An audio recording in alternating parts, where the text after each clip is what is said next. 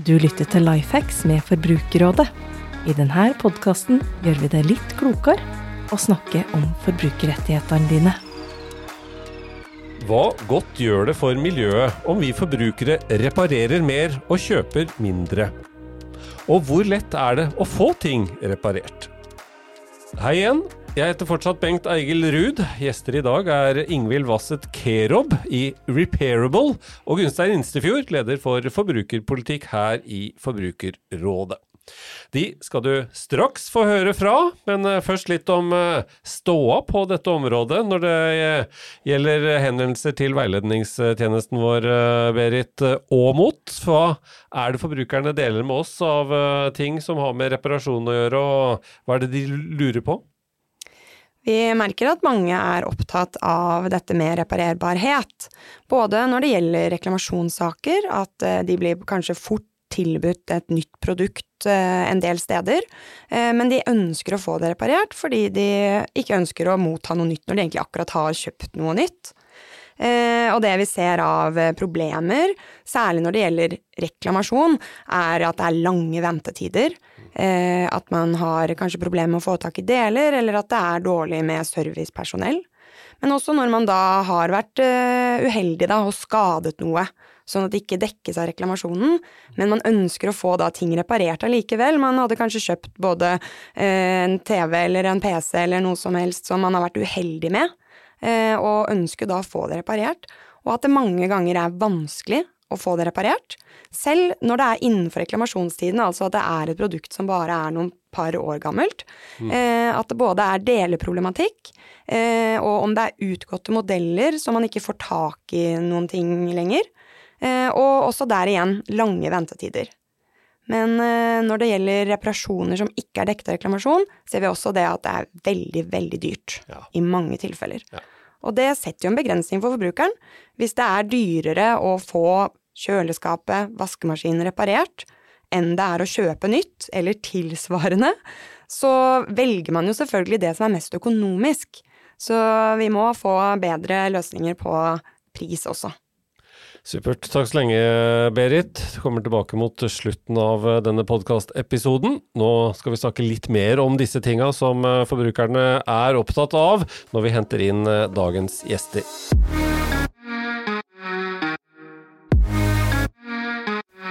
Velkommen hit, Ingvild Vasset-Kerob. Takk. Og velkommen tilbake, Gunstein Instefjord. Takk for det. Kort vei fra kontoret for deg, Gunstein. Litt lenger for deg, Ingvild, men hyggelig at du har tatt turen fra Repairable, eller Repairable.no, er det rent nettselskap?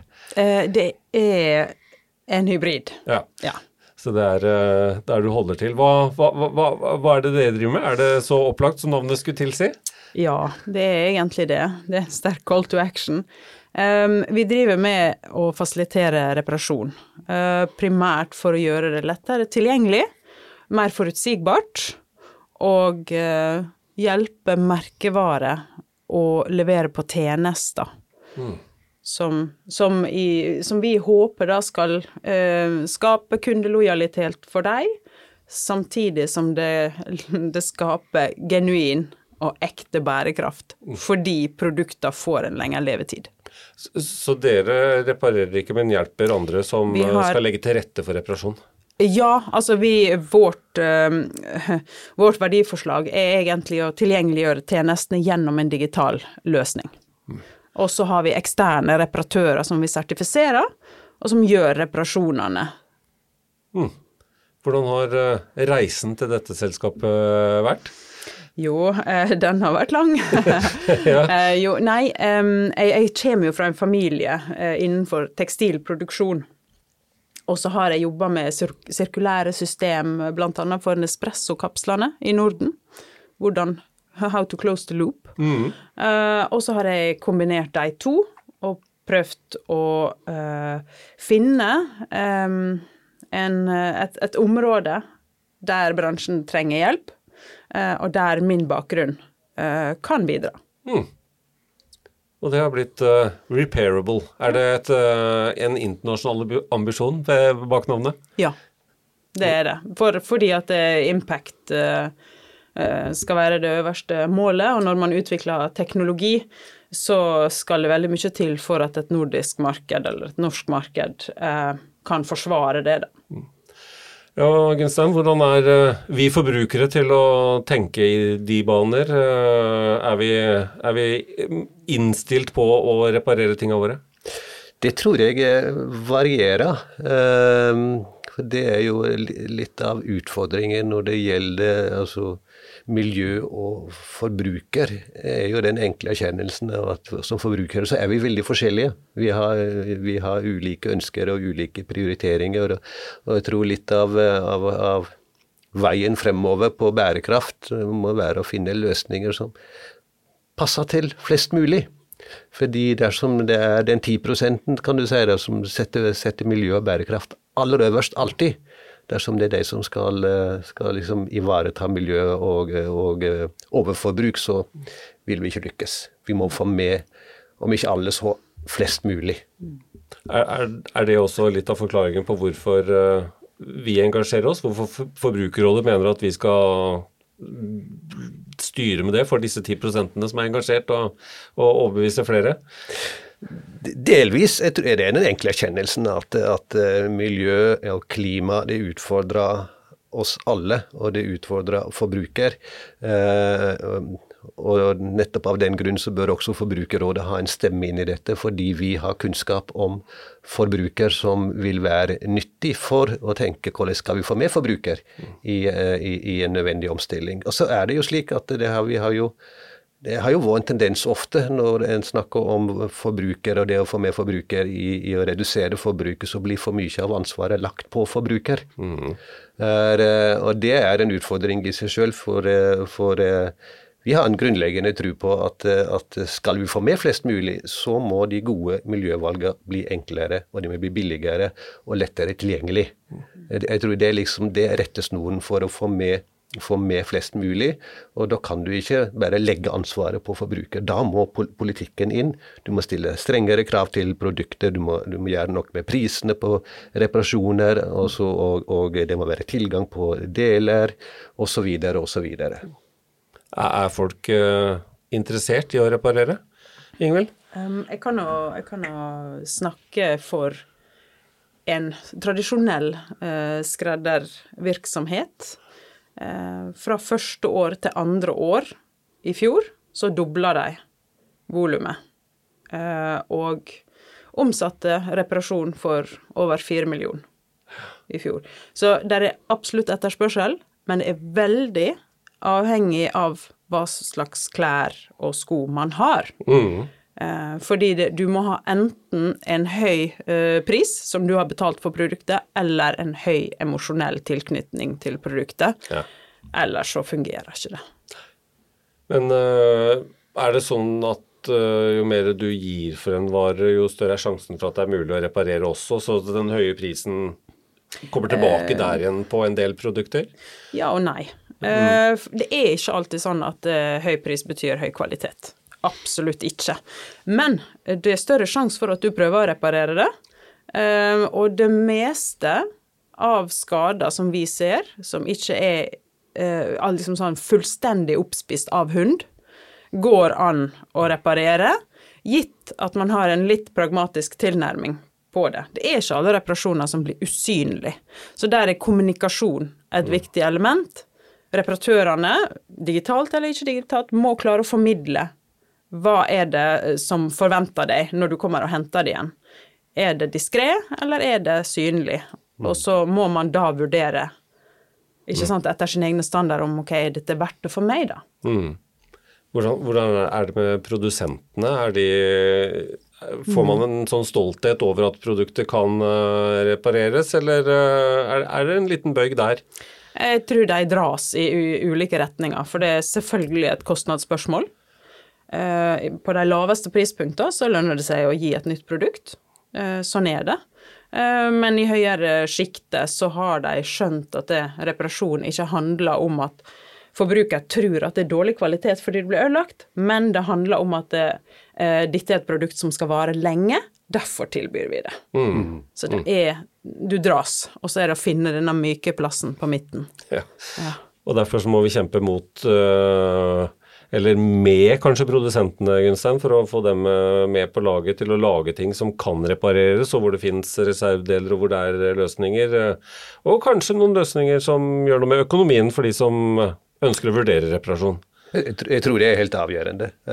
Og det jo, og det, det ser du på en rekke produktområder, at det er for, for mange produkter og som, som, som eh, ikke har den kvaliteten og holdbarheten som en, en, en må kunne forvente. Det, det, ser du på klær, og du ser det på elektronikk.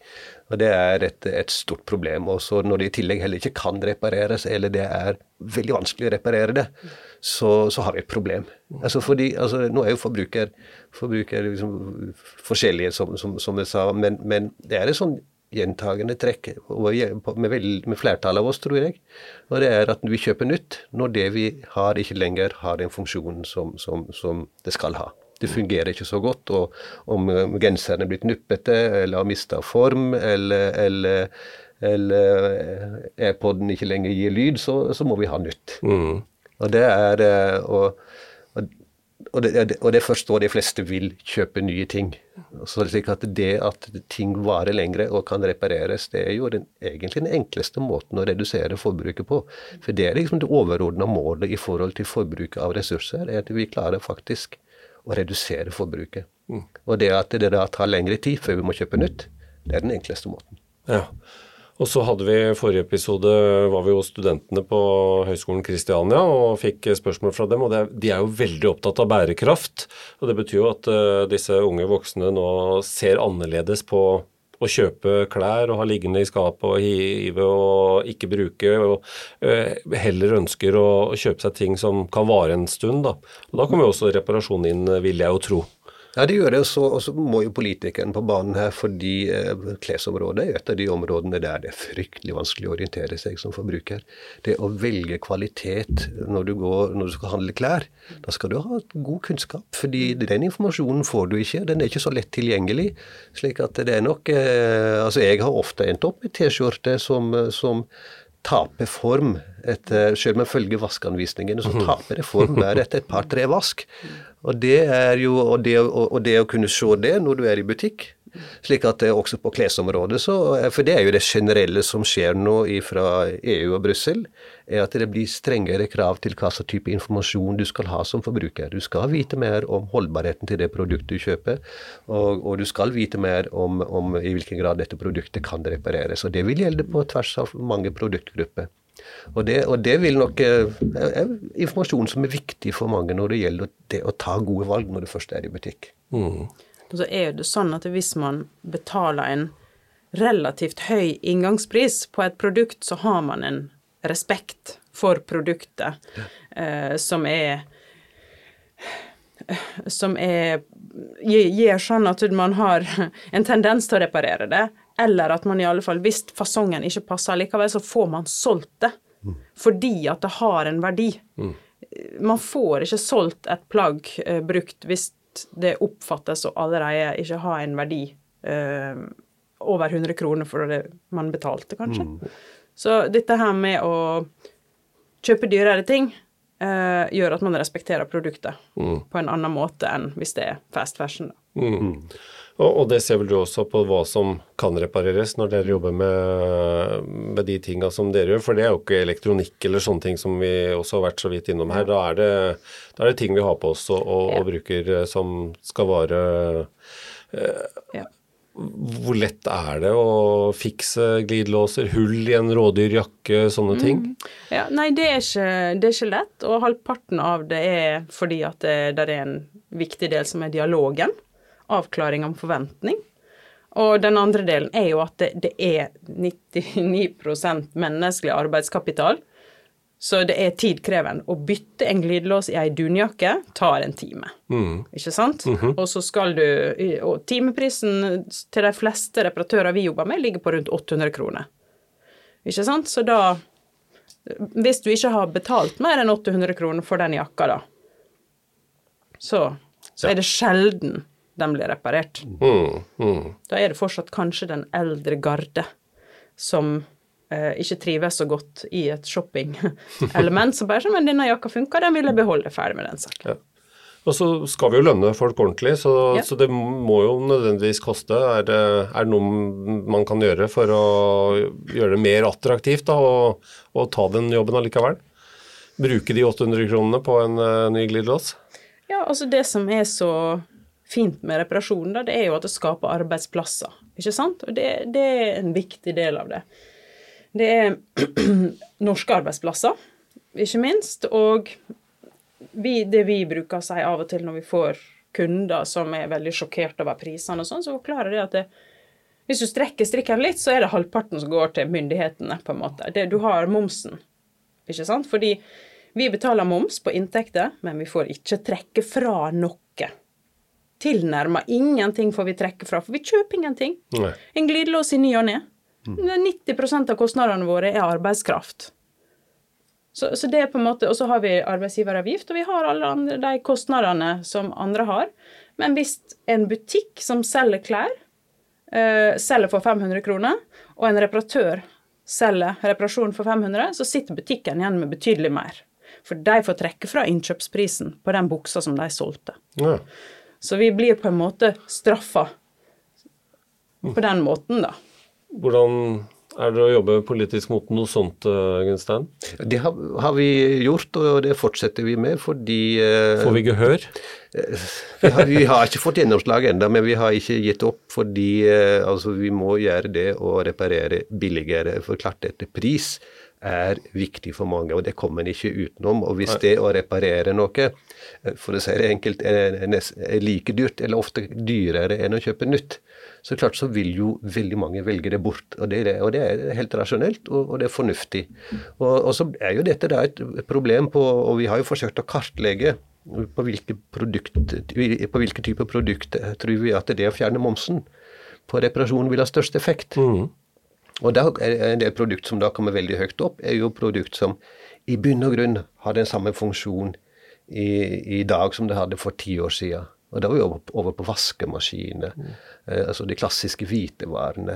Og, det er, og det tror jeg det ligger et stort potensial, for der er kostnadene så høye. Skal du få det reparert, så må du gjerne ha folk hjem til deg. Og klart det, Bare det skaper jo en økonomisk risiko, altså, eh, fordi det er jo ikke sikkert dette produktet kan reparere, la seg reparere til en fornuftig pris. Slik at det å få gjort noe med kostnadene med reparasjon er helt avgjørende, tror vi, for å, få, å lykkes med at vi faktisk skal reparere mer, så vi slipper å kaste så mye som vi gjør i dag. Jeg skal ikke, man skal ikke glemme at vi ligger på, på, Norge ligger på toppen også når det gjelder elektronisk avfall. Ja, vi, Det er en kjempeutfordring. Vi er jo rike og oppdaterte på utstyr Ja og flinke til å bytte, men Ja. Men så har du andre produkttyper der vi ser at, at, at effekten kanskje vil bli mindre, fordi det stadig kommer nye ting på markedet. Og det er jo på en måte Når du da sitter med et gammelt produkt som ikke har like mange funksjoner som et nytt, da er, kan, vil mange være eh, kanskje mer interessert i å, eh, eh, å kjøpe nytt istedenfor å reparere et produkt som ikke har alle de funksjonene som en gjerne skulle ønske. Så har du jo alle TV-ene hvor det blir både flatere og større oppløsning og alt. Så det er jo så det. Så effekten av dette tror jeg vil variere fra produkttype til produkttype, men, men, men, men at eh, momsfritak på reparasjon og på deler vil ha effekt, det er vi ikke i tvil om. skjer det noe med, hos produsentene med, med tilgangen på lapper i riktig materiale til en dyr jakke, skosåler tilgjengelig og, og, og den slags ting? Og disse glidelåsene vi har vært innom nå, har de sånn at det er lett å få riktige ting for eh, dere som skal reparere? Det korte svaret her er vel nei. Det er utfordrende. Vi har noen merkevarer sant, som har intern eh, reparasjonsverksted. De har en, en historikk der de har planlagt for å ha reservedeler tilgjengelig. Så de, for dem så er jo det eh, enklere. Men for store globale merkevarer som aldri har hatt interne reparatører, så har de ingen struktur på å samle og bevare reservedeler. Og de har heller ingen distribusjon, distribusjonsnettverk for å spre ut de reservedelene i markedene. Fordi at reparasjon stort sett alltid vil være lokalt, så vil det jo da kreve av dem at de har reparatører i alle marked som sitter på reservedeler. Så de fleste merker som vi jobber med, har en pragmatisk tilnærming. Hvis du har en lys grønn jakke fra sesongen 2021, der glidelåsen er gått, så har du valget mellom eh, lysbeige og lysgrå glidelås. Du får ikke den lys grønne originale. Nei. Men et alternativ som er Alternativ. litt sånn som kan leve. Standardprodukt, standardglidelåser, Ja. har alle reparatører tilgjengelig. Ja. Det, og dette er et område der det heldigvis begynner å skje ting politisk. og Her er vi dytta på, på, på lenge for å, å- at eh, man politisk skal ansvarliggjøre produsentene på en, eh, mer enn det som blir gjort i dag. Og Nå la jo EU-kommisjonen frem et forslag til eh, et, eh, nytt direktiv på det en kaller for a right to repair, eh, som, som nettopp går på at produsent skal ha en plikt til å eh, kunne reparere et produkt. slik at det aldri skal være noe, aldri skal ikke være noe tvil at du som forbruker skal kunne gå tilbake til produsenten for å få reparert dette produktet. Og Dette vil jo, det, vil jo da eh, først og fremst gjelder elektronikk, men samtidig så jobbes det også med en tekstilstrategi i EU, der eh, noen av de samme elementene vil komme med at produsenten får i større grad en plikt til å, å faktisk kunne reparere eh, de produktene de sender ut på markedet. Og, det, og i det så ligger det også en plikt til å ha deler tilgjengelig. Slik at det her er, det er et av de områdene der vi ser at det, det er bevegelse, men det vil nok ta litt tid. Det er litt av utfordringen med sånne store prosesser. Mm. Har du tålmodigheten, Ingvild? Jeg klorer meg fast. Det er bra. Tusen takk for at dere kom i studio og gjorde oss litt klokere på reparasjon. Hei igjen, Berit. Hei, hei. Det var eh, tilbake til eh, forbrukerne som tar kontakt med oss, eh, veiledningstjenesten vår, og ikke alle henvendelser er like. Pleier vi å ha en liten bolk om i, i Lifehacks, og så også i dag. Hva, hva slags historie har du funnet fram? I dag har jeg funnet fram eh, et forsøk eh, på å være en flink gjenbruksforbruker, rett og slett, men som dessverre endte ganske dårlig for denne forbrukeren. Ok. Eh, Forbrukeren hadde vært i kontakt med oss flere ganger angående en mobil som det var problemer med, som var kjøpt brukt på Tice, men som fremdeles var innenfor reklamasjonstiden hos butikken. Den hadde vært forsøkt reparert flere ganger, men det hadde ikke latt seg løse, og forbrukeren hadde fremsatt eh, hevingskrav. Når Elkjøp da til slutt godtok dette hevingskravet og tok eh, mobilen inn for å verifisere feilen for siste gang, viste seg at denne mobilen var meldt stjålet. Og forsikringssum var utbetalt til tidligere eier. Så om hvem som eventuelt har gjort noe galt her, det kan man jo selvfølgelig ikke vite, men eh, denne forbrukeren fikk da ingen penger fra Elkjøp, dessverre.